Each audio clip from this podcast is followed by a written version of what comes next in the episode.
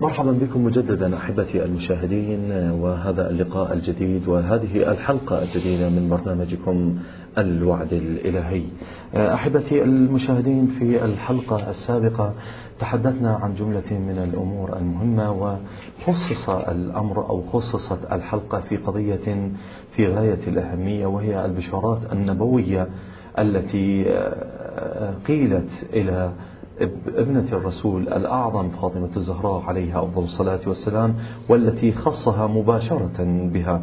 وقلنا أن هذه البشارات التي التي تناولها الرسول صلوات الله وسلامه عليه جاءت في عدة مراحل كما نقل الرواة أنها مرحلة في مرضه الذي برئ منه أو برئ منه أو وهناك مرحلة أخرى البشارات التي التي قالها لابنته الزهراء عليه السلام في مرضه الذي توفي به فيه.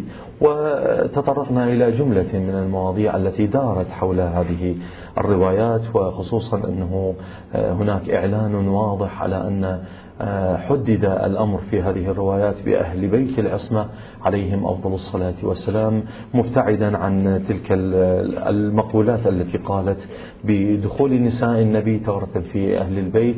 فحدد الأمر بهذا الشكل وأيضا الرسول عليه أفضل الصلاة والسلام تحدث بمجمل من القضايا حول الظهور الشريف وماذا يعمل الإمام الحجة عليه أفضل الصلاة والسلام وكيفية إدارة حكومته الشريفة في آخر الزمان لا نريد, نأخذ لا نريد أن نأخذ كثيرا من الوقت. لدى الشيخ الكثير من الكلام ولكن اليوم أحبتي المشاهدين سوف نتحدث عن قضية أخرى من هذه البشارات وهي البشارات التي أعطاها أو وصلت إلى علي بن أبي طالب صلوات الله وسلامه عليه من قبل رسول الله صلى الله عليه وآله وسلم والتي بشر بها بقدوم المهدي. عليه أفضل الصلاة والسلام. كما قلنا لكم معنا في الاستوديو الضيف العزيز دائما سماحة الشيخ حسن سويدان العاملي أستاذ في الحوزة العلمية. سماحة الشيخ أهلا وسهلا بك مرة أخرى. الله. حياك الله وجزاك الله خير الجزاء على هذا أو هذه المواصلة مع هذا نسأل الله التوفيق إن شاء الله. الله يحفظكم شيخنا العزيز. قدمنا في المقدمة حول قضية نعم. البشارات المهمة التي التي أوصى بها الزهراء عليها أفضل الصلاة والسلام.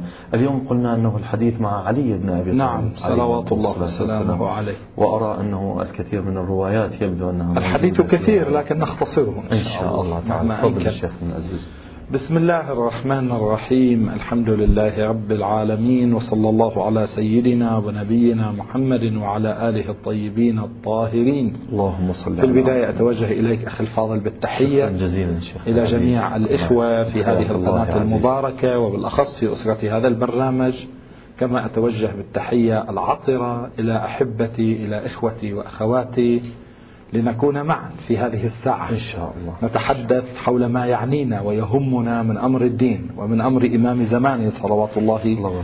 وسلامه عليه في استمرار مع الخطة التي رسمناها لهذا البرنامج نعم. وهي أن نؤصل ونؤسس للوضع الاعتقادي لما يعنيه الإمام المهدي صلوات الله وسلامه. عليه من فكرة أساسية عريضة في ظل الاعتقاد الإسلامي في باب الإمامة نعم تفضل. وصل بنا الكلام إلى الحديث عن بشائر النبي لعلي عليه السلام. عليه السلام. وهذه اتخذت أكثر من أسلوب. تارة بشائر من النبي لعلي عليه السلام في إطار أحاديث الأئمة الاثني عشر والتي سنأتي عليها في نعم، حلقة نعم. قادمة ربما كانت الحلقة القادمة إذا أسعفنا الوقت إن شاء إن الله. شاء الله والأسلوب الآخر هي بشائر خاصة. هنا أتعرض لروايتين فقط مم. من البشائر الخاصة أو ثلاث روايات. في البشائر بحسب ما. يسمح الوقت. في البشائر نعم. الخاص نعم. لأن أحاديث الأئمة الاثنى عشر سنأتي إليها. وربما أخذت أكثر من حلقة. آه، الرواية في كتاب الغيبة للشيخ النعماني رضوان الله تعالى عليه نعم. صفحة 92 بإسناد ينتهي إلى أمير المؤمنين عليه السلام عن عبد خير. عبدي خير. شخص اسمه عبد خير. ونسأل الله أن يكون جميع العباد هم عباد خير إن شاء الله. قال سمعت أمير المؤمنين علي بن أبي طالب صلوات الله عليه يقول قال لي رسول الله صلى الله عليه وآله يا علي الأئمة الراشدون المعصومون المهتدون المعصومون من ولدك أحد عشر إماما. هذه بمعنى من المعاني هي أيضا من روايات الأئمة الاثنى نعم. عشر نعم. لأن مع علي يصير أئمة اثنى عشر. عشر أنت أولهم وآخرهم يعني أول الاثنى عشر يعني قبل الأحد نعم. عشر لأنه نصص أنه من ولده أحد عشر وآخرهم اسمه اسمي. اسمي. محمد. محمد صلوات الله. يخرج فيملأ الأرض عدلا كما ملئت جورا وظلما. هذا العقد المتكرر. نعم, نعم المتكرر في كثير من الروايات. والذي قلت هو ضرورة من ضروريات الدين عند كافة المسلمين. يأتيه الرجل والمال كدس. مكدس. مكدس عبارة عن أجداد. فيقول يا مهدي أعطني. فيقول خذ. إشارة إلى إخراج الأرض لفلذات أكبادها لخيراتها. نعم نعم. إشارة إلى آه، الغنى والرفاه الاقتصادي الذي سيعم دولة الإمام صاحب العصر والزمان عجل الله تعالى فرجه الشريف. نفس الرواية موجودة في غيبة الشيخ الطوسي صفحة 90 رواية أخرى يرويها الشيخ النعماني أيضا في كتاب الغيبة عن الحسن البصري. حسن البصري. نعم. قال أتى جبرائيل النبي صلى الله عليه وآله. فقال يا محمد إن الله عز وجل يأمرك أن تزوج فاطمة من علي أخيك. فأرسل رسول الله صلى الله عليه وآله إلى علي فقال له يا علي. طبعا في الرواية شيء ملفت للنظر. لأول وهلة طبعا أن الرسول هو الذي خطب إلى علي نفسه.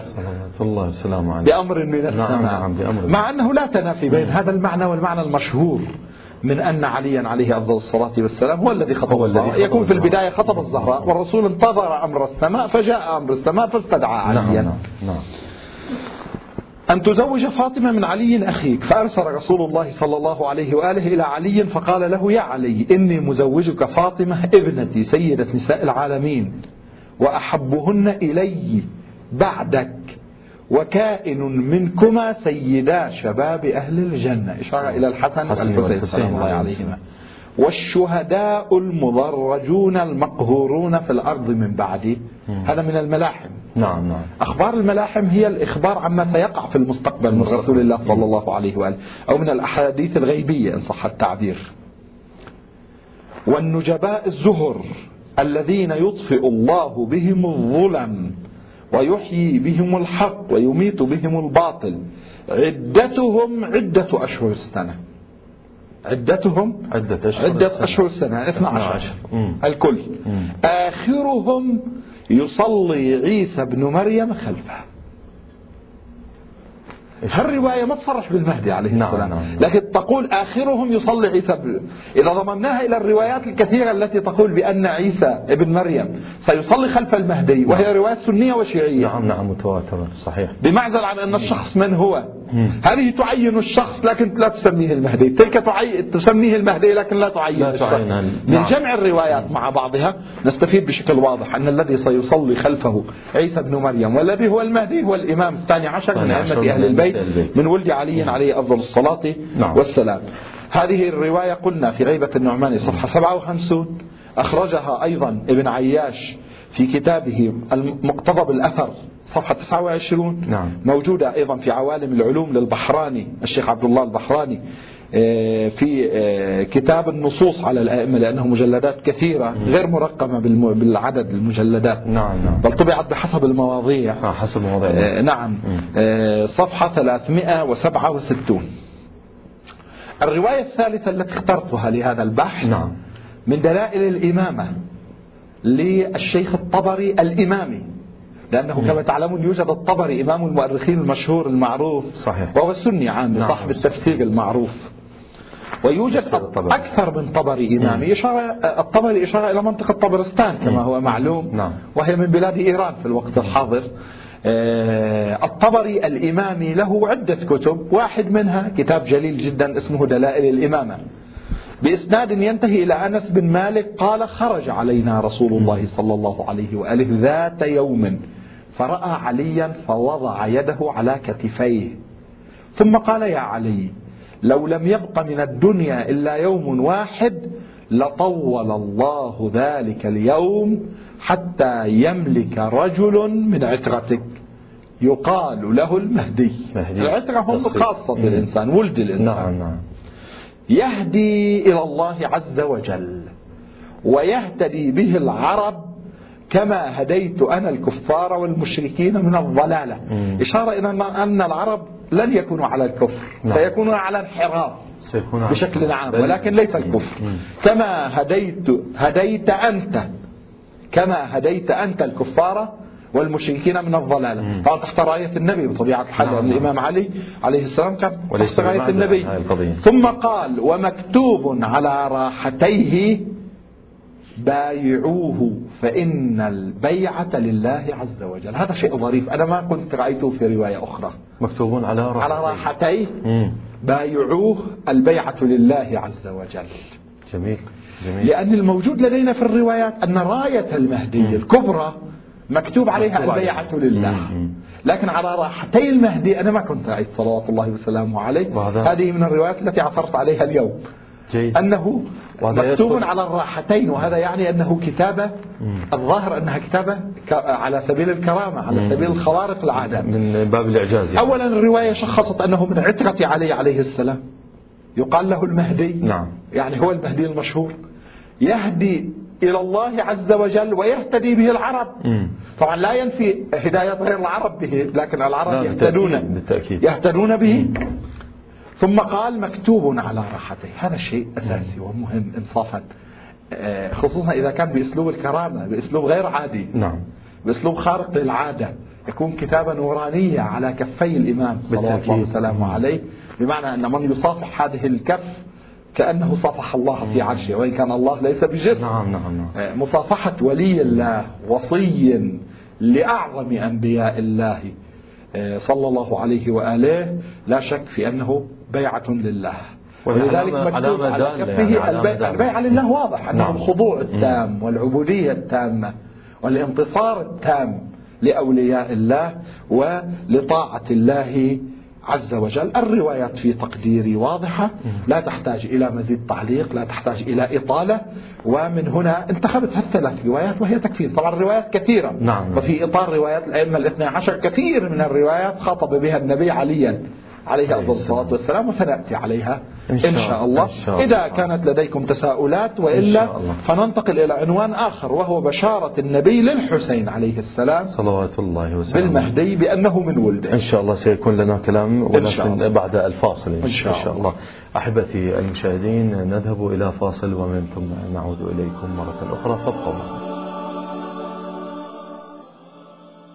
مرة أخرى نعود إليكم أحبتي المشاهدين وهذه الحلقة من برنامجكم الوعد الإلهي. آه، قبل الفاصل تحدثنا كما تعلمون حول بشارات النبي لعلي بن أبي طالب صلوات الله وسلامه عليه وذكرت ثلاث روايات. آه، آه، نعتقد أنه لا, مناقشة فيها لأن الروايات واضحة وخصوصا الرواية الثالثة التي أكد عليها سماحة الشيخ أنه تحمل المضامين أنه المهدي من عترة علي عليه أفضل الصلاة والسلام وأيضا يهدي به الله الأمم وخصوصا آه، في قضية آه، أنه ال- العرب بالإضافة إلى أنه هناك حالة إعجازية خارقة للعادة قد تكون دليلا واضحا لأولئك الذين يأتون في فيجدون أن هناك شخصا معين. وهم قد قرأوا أنه على راحتيه مكتوب البيعة لله. هذا الأمر أكد عليه سماحة الشيخ. اليوم الآن ننتقل أو نحاول أن ننتقل إلى تلك البشارات المهمة التي بشر بها رسول الله صلى الله عليه وآله وسلم ولكن هذه المرة لحفيده وصبته سيد الشهداء الحسين بن علي عليهما أفضل الصلاة والسلام في قضية المهدي المنتظر. آه، سماحة الشيخ آه، بشائر المصطفى صلوات الله وسلامه عليه إلى سيد الشهداء. نعم. ماذا تحمل هذه البشائر؟ الحقيقة تقدم نحن معنا قبل حلقة أو حلقتين. مم. في إطار الروايات التي كانت بشائر من النبي صلى الله عليه وآله لابنته وضلعته الصديقة الكبرى صلوات صلوات, الله. صلوات الله عليه وسلامه. رواية أو روايتان تقدمتان. آه، بأن النبي ضرب على كتف على كتفه، وقال نعم. من ولدي نعم. هذا نعم. كأنه كان طفلا صغيرا. ذا- ذاك الوقت آه، ولكن لدينا روايات أخرى نذكر بعض هذه الروايات من هذه الروايات في عقد الدرر للشافعي صفحة 24 نعم. عن أبي نعيم الإصبهاني في صفة المهدي بإسناد متصل عن حذيفة. قال خطبنا رسول الله صلى الله عليه وآله وسلم. فذكرنا بما هو كائن. فذكرنا بما هو بما كائن, هو كائن. ثم قال لو لم يبق من الدنيا إلا يوم واحد. هذا العقد من الكلام نعم. أيضا صار متكرر. نعم متكرر في أكثر أنا أحب أن أؤكد على هذه النقاط حتى ترون أن بعض المضامين هي مضامين مسلمات لدى كافة المسلمين. لو لم يبق من الدنيا إلا يوم هذا يدل على حتمية خروج الإمام. صلوات الله نعم. وسلامه عليه. لطول الله ذلك اليوم عز وجل ذلك اليوم حتى يبعث أو يبعث فيه رجلا من ولد اسمه اسمي. هذا أيضا مضمون متكرر. سني وشيعي.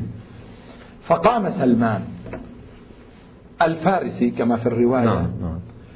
رضي الله عنه فقال يا رسول الله من أي ولدك؟ قال من ولدي هذا. وضرب بيده على الحسين. على الحسين صلوات الله وسلامه هذا موجود أيضا في ذخائر العقبة. صفحة وهو مصدر سني معروف 136 آه، موجود في فرائد السنطين للإمام الجويني أبي المعالي الجويني آه، الجزء الثاني صفحة 325 آه، أيضا موجود في بعض نقول هذه الرواية حتى يملك رجل من أهل بيتي تجري الملاحم على يديه. إشارة إلى الحروب لأن نعم. أهل الكفر والضلال لن تخمد نارهم إلا بالحروب ويظهر الإسلام لا يخلف الله وعده وهو سريع الحساب. إشارة إلى أن المهدي هو وعد من وعد الله عز وجل. والله لا يخلف الميعاد. أشرت أنا في حلقة سابقة أيضا إلى الرواية التي يسأل فيها السائل الإمام الصادق عليه السلام عن علائم ظهور الإمام المهدي فيقول له كل هذه العلائم قد يحصل فيها البداء. يقول إذا فالمهدي قد يحصل فيه البداء. نعم. فيجيبه عليه السلام المهدي وعد الله. والله لا يخلف الميعاد. الميعاد. هذه الرواية سنية وتشير إلى نفس المعنى. لا يخلف الله وعده وهو سريع الحساب. إشارة إلى المواعيد الموجودة في الآيات نعم. من أن الأرض تشرق بنور ربها من أنه سيمكن الصالحين في الأرض. وهي آيات الحمد لله مكنا في الحلقات الأولى. الحمد لله. من بحثها بشكل نعم. نعم. آه واضح. كثير من من الروايات أيضا آه كفاية الطالب للشافعي. صفحة 510 آه عن حذيفة أن رسول الله صلى الله عليه وآله قال لعلها نفس الرواية لكن بشيء من نعم. الاختلاف. نعم. لو لم يبق من الدنيا إلا يوم واحد لبعث الله فيه رجلا اسمه اسمي وخلقه خلقي. هذه إضافة. هذه هذه إضافة جديدة. أحسنتم. نعم. يعني خلقه خلق رسول الله صلى الله عليه وآله. يكنى أبا عبد الله يبايع يبايع له الناس بين الركن والمقام. هذا أيضا تفصيل جديد وهذا من المسلمات عندنا في مدرسة أهل البيت نعم. عليهم السلام. أن الإمام المهدي البيعة له في البداية طبعا. أول بيعة له وإلا هناك أناس يلتحقون شيئا فشيئا. نعم نعم. البيعة الأولى له أول ما يخرج أصحابه المقربون الأوائل يبايعونه بين الركن والمقام. ومقام إبراهيم وهذا من المسلمات أنه يصلي هناك يدير ظهره إلى الكعبة يتقبل البيعة هناك وإلى ما هنالك من قضايا وتفاصيل. خلقه خلقي هذه هذه العبارة. نعم لا هذه العبارة لأول مرة أنه تسمع هكذا في في رواية. يعني في هذا البرنامج نعم. في قضية. وإلا هي متكررة؟ تعلم أن المعصوم نعم. هذه حقيقة أيضا نعم. نعتقد بها في مدرسة أهل البيت ولا بد لكل الناس أن يعتقدوا بها في تقديري المعصومون كلهم من مشكاة واحدة صحيح هم نور واحد نعم نعم, نعم. هم نور واحد نعم. وإذا كانوا نورا واحدا فلا شك أن أولهم إذا كان خلقه القرآن كما تقول إحدى أمهات المؤمنين كان خلقه القرآن عن الرسول الأعظم صلى الله عليه وآله كل معصوم لا بد وأن يكون بلا جدال خلقه شك. القرآن. نعم ولكن أنا قصدي حول هذه الكلمة. أنه ورد بهذا نعم. بهذه العبارة. أنا لا يحضرني الآن نفس هذه العبارة نعم. وردت في غير هذه الرواية. يكنى أبا عبد الله إشارة إلى كنيته. وماكو مانع أن يكون له أكثر من كنية. اسمه اسمي وكنيته كنيتي. قد يكنى بأبي القاسم. نعم. من باب أنها الكنية المعروفة للرسول صلى الله عليه وآله. وكنية أبو عبد الله هي كنية لكل ظهرنا الأئمة أغلب الأئمة شخصية أحسنتم. نعم. كان لهم مثل هذه الكنية. آه، ليس بالضروري أن يكون الابن الأكبر هو عبد الله. آه، بل آه، كنية متعددة محبوبة لدى أولياء الله. صحيح عندنا. يبايع له الناس بين الركن والمقام. هذا من التفاصيل التي سنأتي إليها في حلقات قادمة. لكن فائدة جانبية. يرد الله به الدين. يرجعه يعني. إشارة إلى أن الناس سيمرقون أو الكثير منهم من الدين. عن هذا الدين. سيرجع الدين. مم. الحمد لله. على يد هذا الرجل على يد المهدي صلوات الله وسلامه عليه ويفتح له فتوحا. يفتح له فتوحا واضح أنه يخوض معارك, معارك. ويفتح البلدان. فلا يبقى على ظهر الأرض إلا من يقول لا إله إلا الله. لا. طبعا أنا أشرت عدة مرات. هذا ليس قانون رياضي. يقولون لا إله إلا الله لكن ليس بالضرورة كل فرد فرد أنه نعم. يصير نعم. مسلما. مسلم. ربما كان بقيت شراذم هنا وهناك مشتتة من أهل الضلال. يرد الله به الدين ويفتح له فتوحا فلا يبقى على ظهر الأرض إلا من يقول لا إله إلا الله فقام سلمان. فقال يا رسول الله من أي ولد؟ هذا بيت القصيد الذي نعم. لأجله جئنا نعم. بالرواية. هو قال من ولد ابني هذا. وضرب بيده على الحسين صلوات الله وسلامه آه، عليه. روايات عديدة أخرى آه، موجودة لدينا. يمكن للإخوة والأخوات أن يراجعوا غيبة الطوسي صفحة 116 باعتبار أن الروايات السابقة سنية. يمكنهم أيضا أن يراجعوا عمدة النظر للعلامة المحدث السيد هاشم البحراني صفحة 116 جمع عدة روايات بهذا المضمون بهذا ومصادر أخرى أيضا. آه، كما آه، في الدر النظيم لابن يوسف الشامي صفحة 791 آه، في عوالم النصوص على الأئمة. أيضا للشيخ عبد الله البحراني صفحة 146 والمصادر متعددة والحمد لله. وهذه الإشارة أنا في تقديري اليوم. نعم. في ظل هذا البحث المقتضب تكفي هذه الإشارة وأعتقد أنها واضحة الرواية جدا صار المضمون متكرر أنا نعم. من الملل نعم. لكن حيث إننا في زمن أخي العزيز مم. آه، بعض الناس يتنطعون للتشكيك في الإمام المهدي في ولادة الإمام المهدي أنا أجد نفسي مضطر أن أمشي الهنيهة مع الإخوة والأخوات بارك الله. لأننا مع برنامج الإمام المهدي نحن بكل صراحة أقولها نحن لسنا مع برنامج ثقافي اعتيادي نحن مع برنامج الإمامة. الإمامة. الإمامة الحية الإمامة الناطقة أصلا هي إمامة الإمام المهدي صلى الله عليه وسلم. من هنا برنامج الإمام المهدي لابد أن يعكس كامل عقيدتنا بالإمام المهدي صلوات الله وسلامه عليه. ونحن معك إن شاء الله على الخط إن شاء الله. إن شاء الله. سمعت الشيخ أه، أحبتي المشاهدين فاصل ومن ثم نعود مرة أخرى. فابقوا معنا.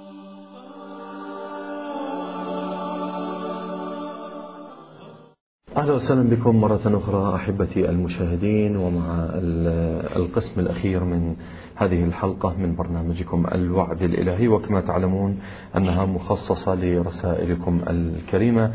آه، سمعت الشيخ هناك آه، في بداية هذا القسم من هذه الحلقة آه، هناك سؤال لأحد الإخوان لم يذكر الاسم أو لم يذكر هو اسمه.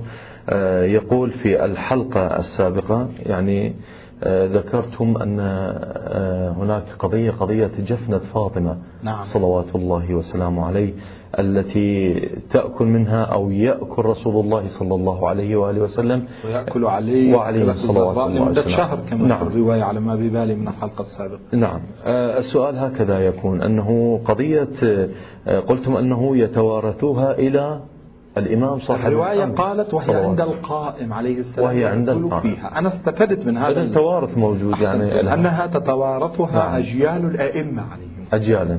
كيف تتم عملية التوارث هذه؟ واضح جدا. آه هذه منحة وأعطية خاصة من السماء لفاطمة ولعلي صلوات الله وسلامه عليهم. نعم. هي لفاطمة أولا نعم. وبالذات. نعم.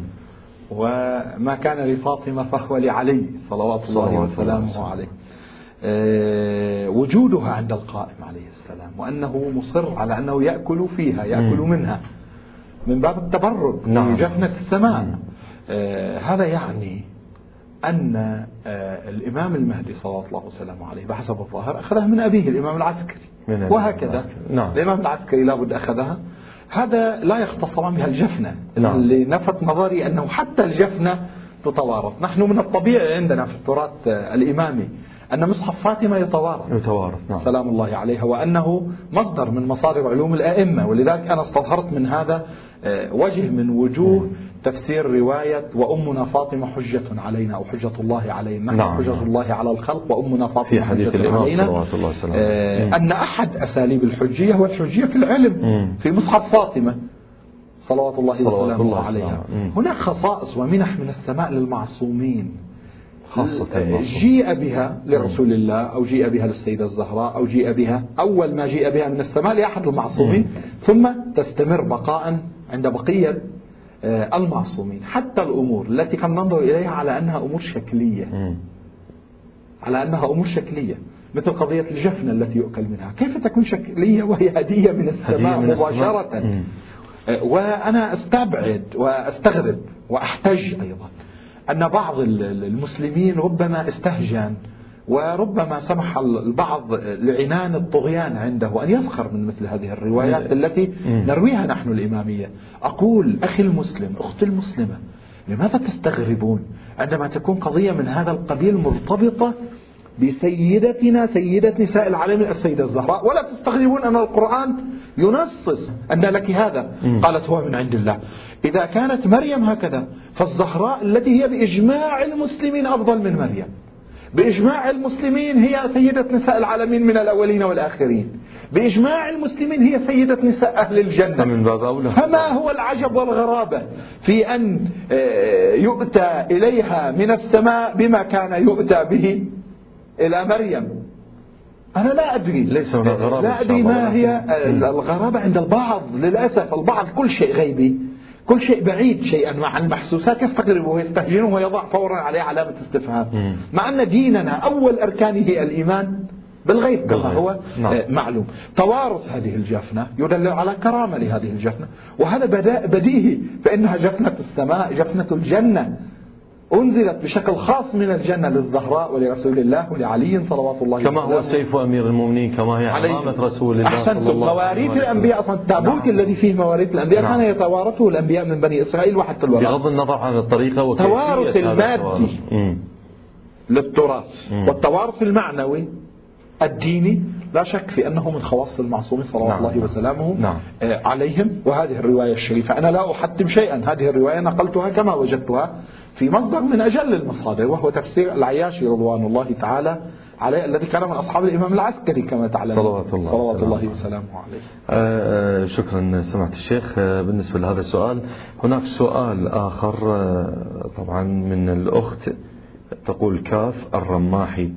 هذا السؤال تقول آه، بسم الله الرحمن الرحيم. سماحة الشيخ السلام عليكم. وعليكم السلام. آه، سؤالي قصير جدا أرجو الإجابة عليه.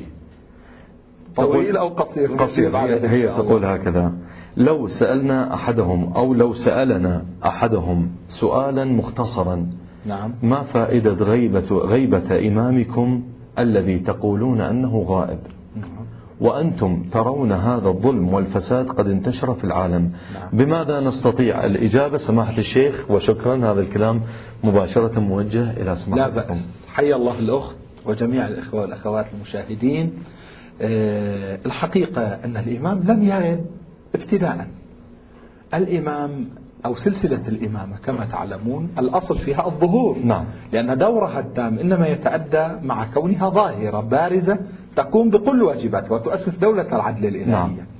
لكن تعلمون أن البشرية كيف تعاملت وكيف تعاطت مع الأنبياء ومع أوصياء الأنبياء ومع نبينا. والتاريخ نعم وما فعله الحزب القرشي مع النبي صلى الله عليه وآله وما فعله هذا الحزب أيضا مع الأئمة عليهم جميعا أفضل الصلاة والسلام. ولو لم يكن إلا أمويها وعباسيها لكفى. نعم. على هذا الأساس غيبة الإمام المهدي صلوات الله وسلامه عليه ضرورة. وليست خيارة. والإمام المهدي ما كان ليغيب لولا أن الله سبحانه وتعالى أمره بذلك. والأحاديث متواترة عن رسول الله صلى الله عليه وآله. عند السنة والشيعة أن له غيبة. صلوات الله وسلامه عليه. تطول وأنه لا يثبت على هذا الدين إلا الممحصون إلا الممتحنون بامتحان الله عز وجل. لا شك آه، في أن هذه الغيبة صحيح أنا أشاطر الأخت. وأعيش معها نفس الألم إن لم أعيش أعظم منه. آه، ولا أحتم هذا لأن الله أعلم بما تعيشه القلوب من عشقها لإمام زمانها صلوات الله وسلامه عليه. آه، أن الغيبة طالت طالت.